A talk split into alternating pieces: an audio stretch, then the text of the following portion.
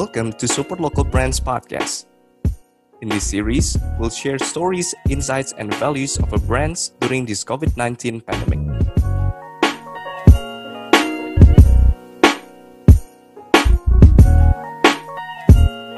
Halo semuanya, teman-teman dari Sport Local eh, followers dari Sport Local Brands dan mungkin kita tunggu sebentar followers dari Smooch Beauty Bar juga akan masuk. Um, Perkenalkan, nama aku Gior. Uh, aku dari Garis Temu. Kebetulan kita kerja sama sama uh, Sport Local Brands. Garis Temu adalah creative marketing strategis. Kita biasanya pegangin branding dan marketing untuk uh, brand-brand dan kita honored untuk bisa kerja sama sama uh, support local brand. Dan hari ini seperti hari-hari sebelumnya kita bakal ngobrol-ngobrol sama partners dari sport local brand dan kita mau tahu apa sih sebenarnya kondisi dari bisnis di masa uh, sekarang, local brand, local brand, gimana cara mereka bertahan dan apa yang kita bisa bantu gitu loh untuk uh, apa namanya bikin brand-brand ini bisa survive di masa pandemi sekarang ini gitu. Nah hari ini kita kedatangan tamu, guestnya ini adalah owner dari Smooch Beauty Bar, dan, uh, namanya Mbak Rani. Nah Mbak Rani, uh, ini karena mungkin banyak followersnya support local brands yang mungkin belum terlalu kenal. Mungkin kalau uh, followersnya Smooch Beauty Bar udah pada kenal kali ya. Nah, bolehlah perkenalin diri dulu sambil aku ketikin uh, ini biar aku bisa pin. Oke. Boleh langsung aja, Mbak. Hai Gior dan teman semuanya, thank you for having me. Hari ini uh, aku Rani Kiswanto, CEO dari Smash Beauty Bar, um, mau ngobrol-ngobrol di sini, uh, killing time juga ya kita. Terus um, aku umur 35 tahun, apa udah nyebut umur. Uh, ibu rumah ibu rumah tangga, uh, ibu pengusaha ya jadinya gitu judulnya. dulu kerja kantoran uh, pengalaman kerja kantoran 7-8 tahun deh gitu terus sampai akhirnya berhenti nekat sempat bantu orang tua sebentar uh, nggak passion gitu ya terus mm, menemukan peluang Watch Beauty Bar ini akhirnya buka kayak usaha biar bisa fokus sama gitu. Aku mau nanya sih, Mbak, kenapa namanya Smooch Beauty Bar? Pertama, Smooch-nya aku mau tanya. Yang kedua adalah barnya. Ini bar, apa, salon, apa gimana nih? Kenapa? Apa ide dari namanya? Smooch Beauty Bar itu sebetulnya uh, awalnya aku pengen cari nama yang eye catching, uh, tapi ger ya pe- nggak pengen terlalu girly, nggak pengen terlalu luxury, nggak pengen terlalu kesannya mewah mahal banget gitu. Uh, tapi pokoknya ngena gitu ya. Nah, Smooch itu kan artinya kiss. Yes, Gitu. ya. Jadi pengennya kalau cewek-cewek uh, abis dari Smooch Beauty Bar keluar dari Smooch Beauty Bar jadi pengen di kiss sama pasangannya gitu. Terus barnya Pengen- gimana nih bar?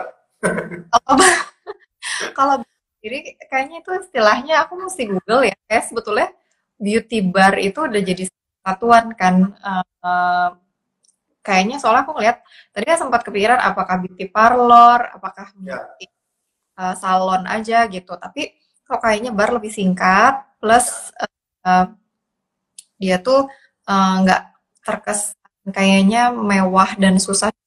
Kalau beauty parlor kan kayak susah gitu ngomongnya.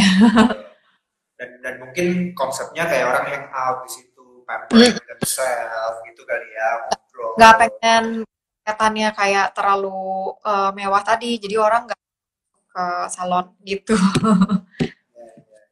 Mm-mm. Nah, aku pengen tanya-tanya lagi nih. Tadi kan katanya kerja udah 7-8 tahun, habis itu sempat ban- bantu family business. Dan mulainya Smooch ini tahun berapa nih? Dan dan apa yang bikin oke mau mau jump ship deh, mau mau mau merubah haluan deh. Itu apa tuh yang, yang pemikiran yang membuat itu? pertamanya tuh dulu eh, eh, sebetulnya kalau boleh jujur eh, sekarang sih bisa dandan ya gitu meskipun sekarang lagi nggak pakai extension bulu mata Hmm, apa eh, dulunya tuh aku bukan tipe orang yang suka nyalon jadi sebetulnya bisa dibilang agak toy kalau secara dandanan pakai kaos celana jeans uh, sama sneakers gitu. Terus um, apa uh, makeup itu almost nggak pernah ke salon itu hanya gunting rambut. Bener-bener yang kayak gitu. Dan aku nggak nyangka kalau uh, industri beauty itu bisa segitu hebat berkembangnya sehingga orang butuh banget attention, butuh banget sorry butuh banget nail art di rumah sehingga uh, eh sorry butuh banget nail art sehari harinya kukunya tuh kalau plain tuh rasanya tuh kayak hmm, gimana gitu. Terus rambut diwarniin macam-macam uh, rambut aku pun ini sebetulnya lagi udah nggak di lagi. Tadinya tuh udah warnanya bisa nyambung ya kalau ngobrolin. Uh, ya uh, udah ganti berbagai macam warna. Uh, ya jadi intinya uh, ketika berhenti dari kerja itu karena sebetulnya uh, mamahku sih yang benar kamu tuh ya kerja orang terus anak kamu uh, di istilahnya tuh ditelantarkan lah segala macam. Jadi aku tuh udah aduh antara galau kan gitu. Nggak berani uh, karena kalau kalau aku berhenti kerja jaminannya apa nih? Gitu. Aku uh, punya penghasilan gitu. Terus akhirnya hmm, nekat berhenti kerja. Oh mamaku udah marah banget. Bener-bener aku nggak boleh kerja sama sekali. Terus akhirnya hmm, aku bantuin usaha dia gitu. Usaha mamaku kebetulan floris. Waktu hmm. ngebantuin florisnya hmm, kebetulan untuk maaf orang meninggal. Jadi jadi uh, gimana ya? Kalau flowernya sendiri dekorasi aku suka. Tapi suruh ngebantuin ketemu keluarga yang sedang berduka untuk uh, apa? Ya pokoknya gitu deh. Uh, rasanya tuh nggak nggak nggak nggak passion aja gitu. Uh, terus akhirnya uh, sambil diem diem uh, nyari peluang ini uh, sampai kepikiran kayaknya di Bogor kebetulan aku tinggal di Bogor nih. Di Bogor itu peluang usaha salon. Aku kepikiran kayak gitu. Salon sendiri um, aku tadinya nggak kepikiran rambut, sebetulnya langsung kepikirannya kuku gitu, karena uh, sorry waxing, waxing dan kuku gitu. Terus, um, duh kayaknya berarti aku harus belajar nih gitu. Lah secara sebelumnya aku anak jurusan teknologi pangan, terus uh, kerjanya di uh, perusahaan besar di Jakarta Indonesia uh, otomotif, terus uh, ujung-ujungnya mau buka salon gitu kan kayaknya. Cuman ya udahlah pede aja gitu ya bisa lah kali gitu. Terus akhirnya ya udah sambil cari kursus uh, sama orang Korea waktu itu belajar sepaket deh bulu mata kuku. Dan gak cuma di satu tempat karena aku pengen punya di tempat lain juga sambil develop uh, outletnya nyari ruko uh, nyari karyawan waktu itu karyawan hanya lima orang sama aku berenam aku ngerjain langsung tamu juga jadi bener-bener uh, sampai hampir tahun deh ya, aku fokus jadi uh, jaga toko gitu istilahnya, jaga salon gitu. Berapa tahun tadi? Sorry. Setahun, hampir setahun. Oh setahun. Okay. Hmm. Terus abis uh, dari situ aku mikir, oh kayaknya, uh, oh sorry, jadi di usia usaha lima bulanan itu aku udah balik modal. Aku hitung-hitung terus aku yang kayak nggak percaya eh masa udah ya? Oh ya udah ya bener gitu. Terus akhirnya karena one man show ya waktu dulu bener-bener uh, laporan keuangan marketing semuanya aku yang pegang sendiri HR deh. Nggak ada yang bantuin. Dan di situ aku ber berpikir oke okay, kalau misalnya aku pengen lanjut pengen aku harus buka cabang. Aku waktu itu belajar dari mana baca-baca artikel uh, bisnis um, jurnal gitu terus uh, ada bahasa bahwa hmm, kalau kita mau open bisnis salah satu strateginya itu adalah hmm, langsung di banyak tempat gitu kan. Nah kita uh, lebih terkenal gitu lebih tahu gitu orang-orang. Udah akhirnya uh, aku cobain tuh buka di Depok coba buka gitu waktu itu struggle juga sih um, meskipun karyawannya udah nambah cukup banyak kali lipatnya tapi uh, Depok sendiri aku nggak kenal daerahnya, nggak punya teman banyak ya di sana gitu kan. Sedangkan kalau salon kan uh, harus promosi mulut ke mulut. Kalau ada orang yang udah langganan, baru dia bisa rekomendasi rekomendasiin ke temennya gitu. Nah, waktu itu lumayan susah sih uh, struggle-nya. Jadi aku sampai dua tahun itu hmm, minus, pokoknya usaha minus deh, masih minus banget.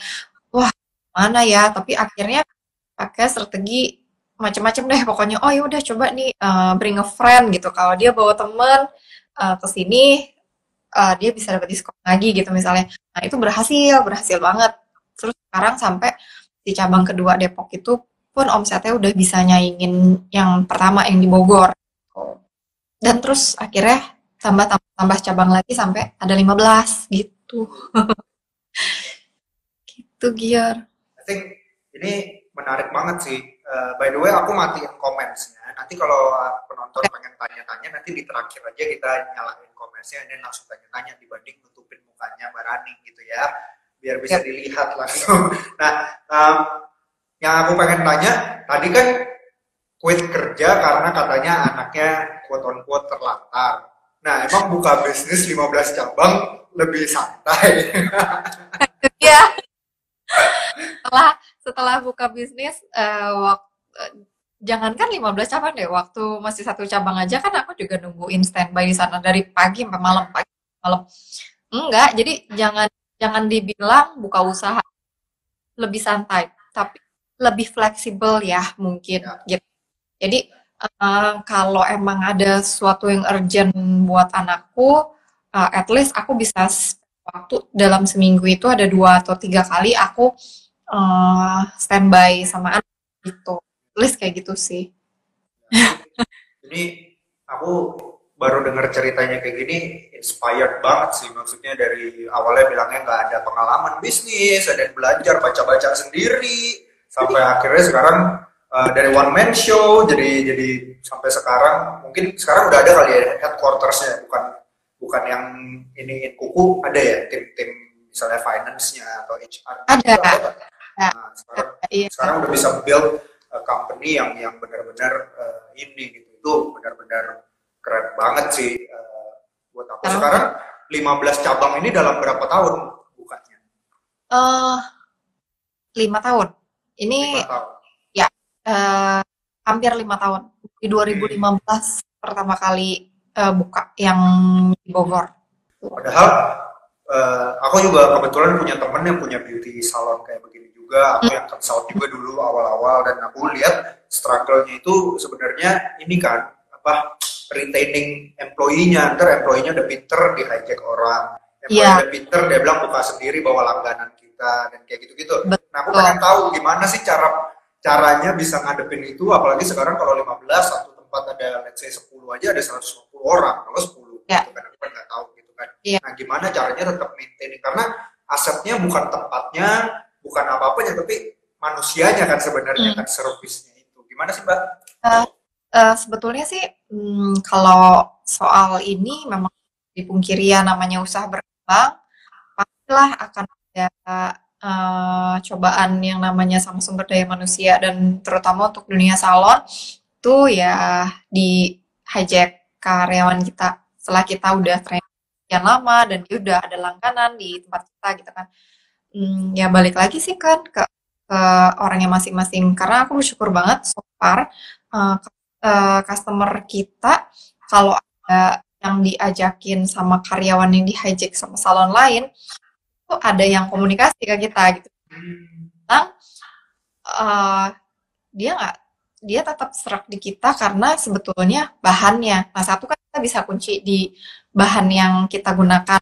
Ya, misalnya bahan yang kita gunakan udah pasti beda daripada si salon yang lain. Meskipun pengerjaannya terapis yang sama gitu. Terus uh, uh, yang kedua aku punya teater. Jadi aku selalu training baru. Jadi nggak pernah berhenti uh, open lowongan pekerjaan.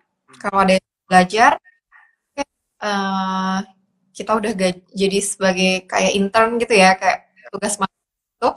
Jadi uh, kita ajarin training uh, dari nol pun nggak apa-apa gitu. Dia nggak punya keahlian uh, sama sekali. Uh, selama dua bulan dua bulan kita masukin ke cabang-cabang yang udah open dihitungnya sebagai junior. Dan harganya di diskon besar-besaran karena kan kita juga ngerti ya pasti kalau dikerjain junior mungkin pengerjaannya meskipun sudah standar sudah sesuai sudah bagus tapi masih lebih lama gitu misalnya. Jadi mesti lebih sabar si tamunya gitu. Jadi ya pokoknya kalau mau special price banget di junior itu dari itu jadi intinya ya nanti lama-lama kan lagi tuh bibit-bibit baru ketika uh, udah uh, pegang tamu kita ajarin juga skill komunikasinya mereka supaya bisa uh, in touch personal sama customer gak cuma sekedar um, apa terapis sama tamu doang. Udah uh, kak udah selesai dikerjainnya bulu matanya bagus oke okay, selesai. Udah nggak nggak cuma gitu doang. Jadi in touch personal harus bisa komunikasi. Meskipun ya kadang juga yang diajarin sekian lama aja masih pendiam gitu misalnya ya ada aja gitu. Gitu sih. um, ini juga sebenarnya ini salah satu solusi yang aku kepikir sih waktu memikirkan masalah ini. Karena hmm. ini kita ngomong namanya manusia ya. Kadang-kadang hmm. dia udah merasa dia hebat dan kita butuh dia jadinya dia uh, jadi punya leverage gitu kan. Tapi kalau kita terus terus training uh, ya maksudnya ya meskipun kita merasa kehilangan kalau lu nggak ada hmm. atau lu pergi tapi bisnis gua nggak mati gitu loh hmm. nah dengan yeah. sebenarnya dengan prinsip itu kan training terus dan ini terus itu itu menurut aku solusi yang yang mm-hmm. keren banget sih menurut aku jadinya kita nggak bergantung sama satu atau dua orang aja tapi sistem itu meskipun manusia ya tetap tapi sistem itu membuat kita uh, jadi punya leverage uh, lebih kali ya ke ke oh. ini kita. Nah, aku mau lanjut ke pertanyaan yang apa ya? Nah, di masa-masa ini kalau aku nggak nanya ini ya kurang afdol. Hmm. Namanya beauty salon, beauty bar kayak begini kan uh, close contact sama klien dan ini ya. lagi PSBB COVID-19 hmm. pandemi ini gimana nih uh, penanggulangannya tutup kah berapa banyak yang tutup hmm. dan, dan uh, karyawannya di rumah kah atau gimana aku pengen, pengen tahu jadi uh, ada sebagian outlet yang benar-benar tutup karena PSBB tapi ada juga yang tidak ada PSBB sehingga masih bisa buka meskipun itu pun uh, buka tamunya juga ya nurun banget drastis. Yang biasanya kita satu hari 30 40 orang datang ke salon, sekarang tuh uh, 4 sampai 5. Nah, kalau yang tutup ya benar-benar udah nggak ya gitu deh sedih banget turun omset bisa 80 sampai 90 persen angkanya uh, tapi uh, untungnya sih sampai sekarang uh, aku sama tim kita udah bikin kebijakan untuk uh, biaya gaji karyawan yang agak bisa setidaknya ditanggung bersama-sama tapi meminimalisirkan PHK gitu sih.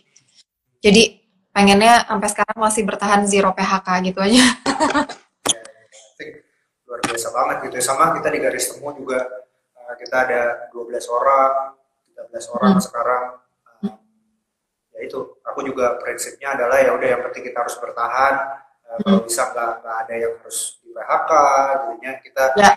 karena aku merasa habis pandemi ini sebenarnya peluangnya besar sekali contohnya kalau aku pikirin ini orang sekarang orang mau ke salon aja pusing nah ya. bayangin ya. nanti begitu PSBB ini dibuka ya mungkin nggak langsung tapi berapa banyak orang yang berbondong-bondong mau manicure, pedicure, potong rambut, pakai kuku karena mulai keluar rumah dan sebagainya macam menurut aku ini bakal booming banget sih setelah ini tapi ya of course kita harus bertahan dulu nih karena kalau ya. kita nggak bertahan ya nggak bisa mendapatkan kesempatan yang di situ gitu ya oh betul betul ya ya ya nah uh, tapi ada nggak tips dari Mbak Rani? Bukan tips apa yang dilakukan sama Smooth Beauty Bar selama masa pandemi ini nih? Karena kan hmm. kan tetap cash flow tetap ada harus ada ya kan untuk hmm. untuk uh, tetap berjalan. Apa sih kegiatan-kegiatan yang dilakukan terutama buat tempat-tempat yang sudah tutup uh, resources manusianya ini mereka melakukan apa gitu? Ya uh, kalau dari cabang kita ada mm, empat hal yang dilakukan yang pertama itu kita masih tetap open untuk home service hmm. dengan safety regulation jadi aku lengkapin mereka dengan face, sarung tangan yang ganti per customer, uh, terus hand sanitizer, um, masker, pokoknya semuanya komplit. Bahkan uh, kita bikin juklak juga kalau datang ke rumah tamu dan tamunya minta uh, supaya uh, mandi dulu, ya oke, mandi dulu berarti kamu harus bawa baju dari rumah gitu kan. Dan uh, harganya kita bikin kalau tadinya kita kalau service memang ada sebelumnya, tapi home service kita harganya lebih mahal daripada kalau kita kerjain di salon. Nah, untuk special uh, senario kayak sekarang nih, kondisi sekarang, jadi itu dibikin um, harganya sama aja kalau kerjain di uh, rumah ataupun di salon sama aja gitu. Terus itu yang pertama. Kedua, uh, kita jualan tenggat banget. Kita masih punya loyal customer uh, yang uh, bersedia beli pre-buy card di sport lokal brand. Vouchernya bar yang nanti bisa dipakainya baru uh, setelah COVID selesai gitu. Tapi kan memang jangka, jangka berlakunya satu tahun uh, itu lumayan tinggi penjualannya di atas 20. Aku dapat kabar itu minggu lalu. Aku belum cek minggu ini udah berapa. Jadi intinya uh, masih optimis gitu. Kayaknya oh summer masih ingat kita, masih masih benar-benar kalau mau treatment manja-manja di Switch Beauty Bar, mereka udah dong langsung nyerbu beli vouchernya gitu. Yang ketiga kita jualan produk. Jadi kebetulan uh, launching beauty market juga daily store. Uh, sebetulnya memang itu udah on plan sebelum corona. Tapi kira kita tadinya sempat maju tur, aduh gimana ya lagi corona ini malah launching beauty market gitu kan. Cuman udah apa-apa deh tetap launching, cuman kita nggak usah bikin heboh-heboh gimana-gimana, tapi uh, kita marketing promosi communication-nya adalah ini sebetulnya bisa membantu juga buat uh, yang tidak keluar rumah, rawat kuku uh, dan kulit kaki dan tangan itu tools yang kita jual ini gitu, mani tools. Namanya Perfect Nail. Kebetulan udah bawa dari tahun lalu, aku bawa dari Korea sendiri gitu. Terus um, sama satu lagi kita jualan fake nail, jadi terapis kita kira uh, kita briefing, kita kasih uh, gantian datang salon dengan ada supervisornya, bikin fake nail, nanti mungkin bisa lihat di highlight Instagram Smooth Beauty Bar, itu kuku tempel, gampang banget. Ntar kita ukur kuku kita sendiri dulu di rumah, isi format, terus pilih desain mau yang mana, uh, nanti kukunya di, dikirim ke rumah tamu, terus uh, beserta lemnya itu tinggal ngelem gitu terus tempel tempel tempel gitu. Jadi ya itu sih. Jadi empat hal itu yang sementara ini kita lakukan supaya uh, survive uh, plus ada cash flow yang masuk gitu. Ya aku keren banget sih ini ide. Nggak tahu ya ini ide baru atau enggak yang buku tempel kirim ke rumah ini. Tapi buat aku ide juga ya. Jadi jadi keren. Tapi itu me to order berarti ya? Ada orang yang order iya. baru baru dibikin gitu ya? Mm, -hmm. soalnya kan ada ukuran ya. Buku iya. Hmm, iya iya iya ya, gila. Menurut aku nih idenya keren banget iya iya iya um, aku punya pertanyaan namanya kan kita manusia mm. uh, pandemi ini krisis ini nggak ada yang prediksi orang sepinter apa juga prediksi udah prediksi juga nggak ada yang siap Nah, ya. buat Mbak Rani sendiri, ada nggak sih ketakutannya? Ketakutannya apa sih uh, selama masa pandemi ini kira-kira? Hmm, semua manusia pasti punya ketakutan kan ya gitu. Ya. Cuma uh, mostly sih aku paling takut adalah uh, kondisi sumber daya manusia smooth beauty bar gitu. Jadi kondisi tim Beauty Bar bagaimana apakah mereka survive dengan pandemik ini gitu karena hmm, apa ya uh, atau kalau salon kan sistemnya kan komisi mereka punya gaji pokok tapi uh, komisi itu berdasarkan pengerjaan mereka terhadap berapa tamu hari itu gitu. Dapat berapa persen gitu nah otomatis dengan tidak ada tamu kan itu kan turun drastis gitu. Ya itu sih yang paling aku takutin. Tapi ini balik lagi uh, ke rezeki orang masing-masing. Aku percaya setiap orang itu sudah gariskan rezekinya, jadi pasti um, seburuk-buruknya kita bisa lewatin dan sama aku mau stay di prinsip aku yang zero PHK itu gitu. Ya, I think uh, ada pertanyaan selanjutnya, tapi kayaknya ini udah dijawab apa hal yang paling matters. I think um, ya ya timnya mbak Iya. sendiri gitu loh. Selain Ya. of course uh, service, client and everything, Ya. tim jadi jadi Mhm. sesuatu yang paling matters gitu loh. Karena even punya prinsip kayak begitu, berarti kan kita harus quote on quote mengorbankan uh, cash flow kita, stresnya kita. Padahal mungkin orang dengan mudahnya apalagi kalau mau dibilang Mbak Rani tadi udah punya sistem training kok training bisa jalan terus kok apa segala macam sebenarnya Iya. gitu loh tapi prinsip ini sih yang aku menurut aku eh, paling paling keren gitu loh itu luar biasa sekali nah ini kebetulan ngobrolnya sama Gior Gior ini kan eh, dari garis temu jadi aku tuh biasanya nyelipin pertanyaan-pertanyaan tentang marketing tentang Nah, apalagi tadi Mbak Rani bilang awal-awal marketing gue yang jalanin semua sendiri. Hmm. Nah, karena garis temu ini kita di um, sosial media marketing, aku pengen tahu uh, strateginya Smoosh Beauty Bar dari pertama di sosial medianya ini apa sih strateginya?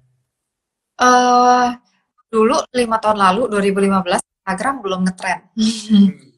Eh, di situ yang perjuangkan nggak tahu punya feeling kalau salon di iklan Instagram bisa hits kok bisa bagus. Di situ banyak banget orang yang kayak eh, pro kontra ya. Ah, gila lo, masa sih eh, salon promosinya di Instagram di mana-mana salon tuh dari mulut ke mulut aja udah cukup gitu kan semuanya terus gue harus educate orang karena karena gimana ya eh, kita punya fasilitas punya WhatsApp yang broadcast juga. Eh, waktu itu 2015 masih pakai BBM apa udah WhatsApp ya? Tapi pokoknya WhatsApp.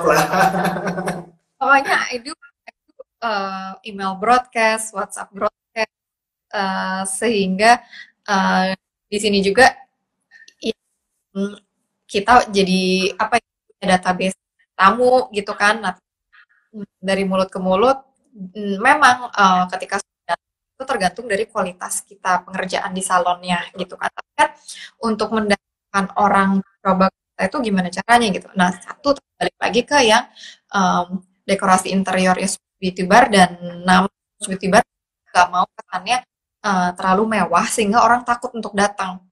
Jadi kayaknya orang tuh ngelihatnya ini kayaknya eh I can afford this Uh, kayak oh beauty could be fun gitu kan maksudnya nggak yang luxury gitu.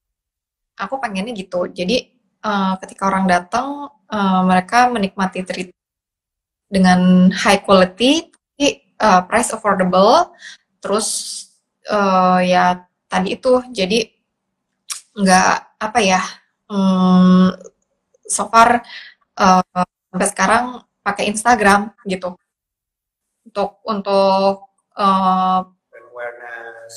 nah gitu Uh, lebih banyak ke Instagram sih. Sama Facebook.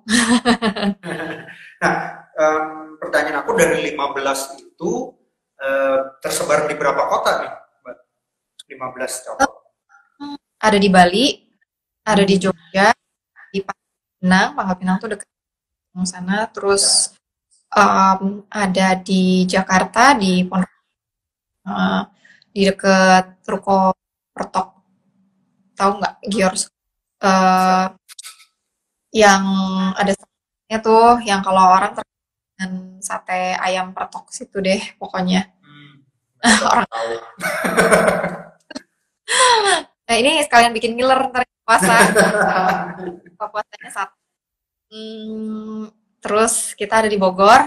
Uh, Bogor ada terus ada Depok Bekasi. Uh, Bekasinya ada dua satu Bekasi yang Galaksi satu Bekasi yang Harapan Indah. Itu Bandung Bandung juga ada Nah, aku pengen tanya, ini pertanyaannya aku suka tanya aja karena aku berpraktek di sosial media. Kira-kira Smooch Beauty Bar rame karena sosial medianya atau sosial medianya rame karena ada 15 tempat? Yang Hmm. mana duluan? kayak nanya telur sama ayam ya ini Iya. eh sosial media sih aku akuin ngebantu banget karena dia growing pesat banget dan bisa sampaikan berbagai macam ide kreatif aku semuanya media gitu. Meskipun aku bukan orang ya aku uh, kadang uh, kalau lagi tidur atau lagi mandi atau lagi lagi sikat apa gitu suka eh ini lucu dibikin gini. Terus aku langsung tim uh, kontak tim kreatif gitu. Kalau bikin ini dong gini, gini gitu. Karena kayak gitu contohnya. Um, jadi buat aku ya itu suatu proses timeline ya. Jadi bukan hmm, dari salah satu itu mengakibatkan ke lain gitu. Tapi hmm, karena untuk aku bilang kayak untuk buka cabang itu meskipun Depok uh, cabangnya baru yang Bogor udah rame gitu kita ada Instagram followersnya juga udah cukup banyak tapi itu kan so uh, peluang market yang beda lagi gitu sebetulnya di followers Instagram kita sendiri uh, pas dilihat banyak Jakarta Bogor misalnya Depok belum terlalu banyak. Nah nanti lama kelamaan karena lihat lewat terus mampir uh, terus dia follow kan Instagramnya. Nah customer profile Instagram kita juga akhirnya nambah sesuai daerah yang kita buka gitu. Jadi sebetulnya itu ya aku menjawab nggak ya? Menjawab. Aku nangkep intinya iya. dua-duanya berkesinambungan iya gitu gitu Iya iya iya. Nah, Mbak, ada nggak sih ini karena kalau mau dibilang mungkin zaman sekarang 2020 beauty ini jadi necessity, jadi kebutuhan yang lumayan pokok buat wanita-wanita. Tapi hmm. sebenarnya dulu-dulu mungkin ya kebutuhan, tapi mungkin nggak se-urgent itu, nggak iya. sepenting itu gitu. Ini kan bisnis yang bukan makanan pokok, Betul. senang papan pangan gitu kan. Nah, tapi ada gak sih inspiring stories dari apa selama lima tahun ini yang apa yang Mbak Rani kerjain ini impactful buat buat orang, impactful or to your employees. Apa sih ada ada gak cerita-cerita yang buat Mbak Rani berpikir oke okay, ini kenapa gue start ini dari awal karena hmm. hal-hal ini. Hmm. Kalau aku basically orang introvert dan baperan. okay. uh, bisa dibilang sensitif gitu ya, sangat sangat peka gitu. Terus jadi uh, dari awal memang kelihatannya klise, tapi aku hmm, ketika punya karyawan dan semakin berkembang di lima orang karyawan sekarang 50 karyawan itu bener uh, otakku penuh nambah penuh ya malam aku mikirin aduh sih ini uh, gajinya bulan ini segini gitu. Misalnya kan itu dari komisi juga apa segala macam. Uh, uh, ada gitu dari HRD aku. Ya hmm, misalnya agak kurang uh, inisiatif. Misalnya kalau disuruh udah giliran dia pegang tamu kadang-kadang uh, enggak ah di raja ke orang lain. Misalnya. ada kan yang begitu? Gitu ya. Cuman ya balik lagi aku harus uh, menahan diri untuk bilang bahwa itu bukan tanggung jawab aku 100% sebetulnya jadi karena rezeki tiap orang tadi balik lagi ke tiap orang masing-masing gitu aku hanya sebagai tools alat media yang bisa membantu uh, buat lapangan pekerjaan tim aku gitu. Tapi uh, sorry, kayak aku jadi agak-agak nggak nyambung ya ya. nah, jadi intinya uh, kalau misalnya uh, inspiring uh, story-nya aku sendiri sih ya lebih ke arah um, salah satu karyawan aku yang dulunya dia buat demotivasi uh, bu aku nggak bisa aku benar-benar nggak bisa belajar ngerjain bulu mata. Aku udah apa deh apa segala macam terus aku bilang uh, ya udah terus kamu mau gini-gini aja. Jadi kalau misalnya aku nambah skillnya dia gitu loh misalnya dia tadinya kita pegang satu treatment terus akhir ah, aku suruh latihan lagi. Nah terus akhirnya ketika dia udah uh, nyerah uh, aku juga nggak push dia harder tapi memang hmm, akhirnya dia mikir sendiri ini kan gue udah dikasih opportunity-nya gue gak bayar loh dikasih ilmu ini gitu. Maksudnya kenapa gue harus give up? gitu. Ibu aja ya udah eh, nggak um, nggak maksa juga. Akhirnya dia belajar lagi terus sehingga dia punya banyak banget langganan untuk baru yang dia belajar ini hmm, dia sering banget nge-share sama WhatsApp. Berapa lah karyawanku yang suka WhatsApp personal bahwa uh, kasih untuk kebaikan ibu, terima kasih untuk support, terima kasih untuk uh, aku sekarang uh, udah bisa beli rumah misalnya kayak gitu. Wow. itu that makes me apa ya so happy gitu. Happy ada kepuasan tersendiri bahwa oh eh, meskipun yang ya sebetulnya mereka sendiri gitu kan. Hmm, aku cuma bantu aja tapi. I'm so happy gitu. Ya pokoknya itu aja sih yang paling bener-bener uh, inspiring story yang buat aku tuh bertahan dan kuat uh, bisnis ini gitu. I think I think itu mungkin sangat underrated buat buat apa ya businessman. Selalu bisnis biasanya ya udah lah pokoknya profit profit. profit profit. Padahal kita sebelum kita businessman atau businesswoman kita kan manusia Iya. sebenarnya sebenarnya kadang-kadang itu yang nggak terhitung di, eh, di di pembukuan di finance kita itu nggak bisa diukur tapi sebenarnya itu yang buat kita maju terus meskipun kayak sekarang lagi krisis kita harus eh, susah-susah tapi ingat-ingat cerita itu lagi itu sebenarnya bisa bikin kita makin ini ya makin Iya. semangat makin makin nah aku pengen buka eh, pertanyaan Mhm. Eh, ini aku buka komensnya. Nah, buat ya? Nah, buat yang yang mau bertanya boleh langsung eh, ketik aja pertanyaannya. Nanti kita berusaha tanya. Kalau nggak ada yang nanya, aku yang nanya lagi. Atau Mbak mau tanya aku juga boleh. Tapi ini ada satu nih. Eh, aku baca ya. Dari Vina Sasa. Halo Mbak Rani, masih ingat sama Vina nggak? Mau Hai, ikutan Vina. tanya? Ah, Gimana caranya untuk mempertahankan karyawan yang sudah lama kerja sama kita? Hmm, oke pertanyaan yang bagus ya Ingat ya? Masih ingat tapi ya? Heeh. aku tuh lagi nih hmm, bukannya mau nyombong tapi aku berterima kasih banget banget aku punya karyawan yang cukup senior itu banyak banyak banget jadi eh, dari eh, awal buka gitu. Misalnya juga ada yang udah pindah ke tempat lain mereka masih tetap eh, komunikasi sama aku gitu. Nah eh, kalau untuk yang mempertahankan supaya di banyak sih kadang-kadang gini suka cerita gitu lagi lagi lagi kita lagi ngobrol gitu. Kok yang ngedeketin aku tamu terus dia gitu dia ngajakin aku kerja dia katanya mau buka salon juga kayak gitu. Oh gimana? Aku bilang gitu. Terus ya aku kan juga tahu lah ya oh, em, dia baik dia memang baik. Tapi kalau dalam bisnis belum tentu dia itu bisa kasih kebijakan-kebijakan yang baik juga. Kayak ibu saya ngomong gitu. Jadi aku selalu menunjukkan satu em, aku nggak takut kehilangan kamu gitu. Istilahnya eh, itu kita kan punya punya banyak bibit-bibit baru yang di training. Tapi tetap ya yang senior senior juga eh, apa ya eh, tim kita keluarga kita gitu kan ya. Kita juga jaga dan kalau memang bisa eh, selalu sama kita gitu. Sebetulnya gitu. Eh, jangan seperti menahan. Kalau memang punya ada kesempatan di tempat lain yang lebih bagus itu udah rezekinya dia. Itu tadi balik lagi. Tapi kalau emang kita yang bisa kasih dan salurin rezeki buat dia uh, lebih baik untuk dia tetap stay di tempat kita ya kasih baik gitu sih.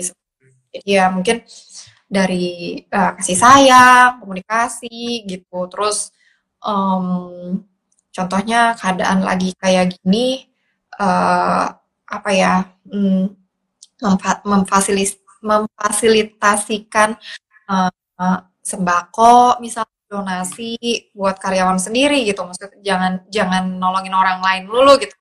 Karyawan sendiri gitu misalnya. Terus em, eh, ya itu sih paling maintain sampai kita ada eh, employee day, family day, setiap tahun Eh, dan mungkin teman-teman dari Smooch klien-klien juga udah pada ada yang tahu kalau di kita ada program karyawan terbaik. Jadi nanti kalau ada terbaik, kita kita suka kasih trip ke luar kota atau eh, kemarin ini udah berjalan eh, dua kali itu empat empat karyawan kita udah kita berangkatin umroh gitu. Jadi ya pokoknya eh, dari sisi spiritual kasih sayang eh, eh, sebisa mungkin dikomplitkan lah gitu. Dan tunjangan-tunjangan gitu misalnya ya. Jadi ya, pokoknya anggap aja kamu itu ya sama diri kamu sendiri gitu. Kamu nya uh, kamu maunya dapat apa gitu ya. Ya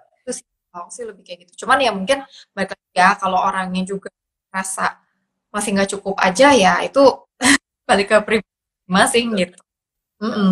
aku setuju sih karena uh, mungkin caranya orang zaman dulu cara gampangnya ya naikin aja gajinya ya naikin aja ini tapi iya. kebutuhan yeah. orang sebenarnya kan nggak melulu soal uang kadang-kadang yeah. dia butuh perhatian kadang-kadang dia butuh spiritual kadang-kadang dia butuh emosi kadang-kadang dia butuh mental jadi mungkin kita juga perlu ya makanya itu seninya. Setiap orang kita harus kenal secara spesifik. Ya, yep. mungkin ada program-program yang bisa disamaratakan. Kayak tadi misalnya uh, karyawan terbaik. Tapi approach sama setiap employee kan pasti ada ada seninya lah. Dan itu yep. tugasnya kita sebagai leader untuk untuk ini ya. Ya nah, Iya, ada nggak nih pertanyaan lagi dari dari teman-teman? Kalau nggak ada, sambil nunggu pertanyaannya, aku yang mau nanya, Mbak, namanya bisnis sama seperti semua hal di hidup kita pasti ada naiknya, ada turunnya. Nah, aku pengen tanya, what is the lowest point in your journey lima tahun ini? Hmm, lowest point in my journey ya. Kayaknya ya ini lagi corona ya. Pas banget sih ini lagi. Ya, ya namanya bisnis uh, hampir everyday itu gini-gini ya gitu. Jadi bisa lagi gini, uh, besok bisa begini gitu. Pokoknya hmm, paham banget deh gitu kan. Uh, everyday bisa kayak gitu. Tapi ya mungkin kalau bisa dibilang low point itu ya bener-bener sampai istilahnya 15 cabang brek kena impact ya karena nah ini sedih banget gitu. Tapi uh, kembali lagi tadi kayak tadi ya uh, kita bilang di sini justru opportunity-nya sebenarnya besar banget uh, yep. saat kita untuk uh, bertahan gitu ya meskipun di lowest mm point ya ini saatnya kita justru uh, mungkin sama tim kita justru makin erat kalau di garis temu sih gitu ya kita jadi oh. makin erat loh makin ya. makin solid kita maksudnya kita in this together gitu loh kalau mbak Rani gimana ada betul positif impactnya itu ya jadi uh, kayaknya we're in this together terus uh, tadinya tuh kalau ketemu berkali-kali dengan virtual meet aja tuh uh, bisa menghasilkan SMS big impact kalau meet temuan gitu maksudnya jadi ya. kayak segala sesuatu teradjust dengan dirinya gitu. Sekarang uh, even di garis temu kita justru work from home ini kita karena kita digital ya kebanyakan kerjanya digital kita merasa malah lebih produktif kerja masing-masing di rumah. Nggak ada yang perlu commute nggak ada yang perlu uh, break makan break makan sambil mereka kerja sendiri. Yeah. jadinya semuanya bilang iya jadi merasa apa lebih produktif. Udah kita nggak usah punya kantor lagi deh. Gitu loh. Itu ya tetap ada ada positif positifnya dari dari kita kita dari kejadian ini ya, ya. ya. Gitu. dan aku sama kayak kemarin interview interview kemarin aku juga bilang apa yang aku sadarin uh, refleksikan di masa-masa ini adalah begini kadang-kadang orang selalu melihat badai itu adalah menghancurkan kalau namanya badai hmm. menghancurkan ini kita lagi badai gitu ya tapi yang orang lupa kadang-kadang setelah badai langit itu cerah. Jadi kadang-kadang badai itu juga membersihkan. Buat garis temu sendiri banyak uh, apa ya hal-hal yang nggak penting yang tadinya kita kerjain ya sekarang dibersihin deh semua. Sistem-sistem yang kurang produktif di, dibersihin. Orang-orang mungkin yang eh, nggak uh, ada kerjaan cuman waktu itu karena baik-baik saja ya udahlah nggak apa-apa. Jadinya uh, ada freelance terutama kita banyak banget freelance. Kalau yang yang tim kita full time sih memang semuanya masih ini tapi ada freelance freelance yang sebenarnya kita bisa kerjain tapi kita lempar aja ke freelance itu. Nah itu kita bisa yeah. Merasa nggak sih mbak kalau ternyata banyak hal yang menjadi lebih baik sebenarnya secara sistem dan lain-lain? Banget sih. Kan tadi ya contohnya uh, dari support lokal brand juga punya ide menarik untuk go digital jualan voucher. Yang sebelumnya kita juga udah coba jualan uh, digital dan agak bisa masih terchallenge kok kayaknya uh, nya eh, maksudnya masih belum maksimal masih belum sesuai target menurut aku karena banyak orang yang download uh, digital membership mereka um, sangat uh, konservatif gitu. Jadi hmm. ah enggak ah buat apa gitu. Ah, download app di handphone gua gitu kan. Hmm, kayak gitu dan dengan kondisi ini uh, otomatis orang-orang akan mulai-mulai mulai beralih ke situ dan itu yang uh, goal yang emang pengen aku lakukan juga di Swiss Bar mau go internasional mau mau go digital nah, dari sistem nya dari customer database dari uh, data uh, apa data tamu pokoknya terus sama dari payment method juga kan kita bikin semuanya digital gitu sekarang. Jadi setuju banget sih. Ya yang penting kita punya mindsetnya benar lah ya karena kalau masalah ini masalah perspektif kan kita bisa melihatnya ya korban lah kita korban dari corona korban dari krisis tapi kalau kita punya perspektif yang benar kita bisa melihat ini justru ada peluang-peluang yang tadinya kita susah gitu kan tadi untuk converting orang ke digital susah sekarang jadi mau nggak iya. mau yeah. gitu kan itu uh, semua yang menurut aku uh, nah mbak aku pengen mbak Rani untuk sekarang saatnya jualan boleh nggak di dikasih tahu apa sih dealnya di support local brands? Apa yang orang bisa uh, purchase and, and what they will get? Dan okay. gimana sistemnya? Terus boleh juga jualan tadi yang yang home kitnya uh, juga boleh deh. Terima kasih. Jadi uh, support local brand yang belum tahu tolong uh, websitenya support local brand. Uh, beli voucher kita di sana. Uh, kita jual Uh, jadi cukup bayar seratus ribu rupiah aja, bisa uh, dapat 6 uh, jenis treatment hair, nail, sama lashes itu ada enam pokoknya beragam.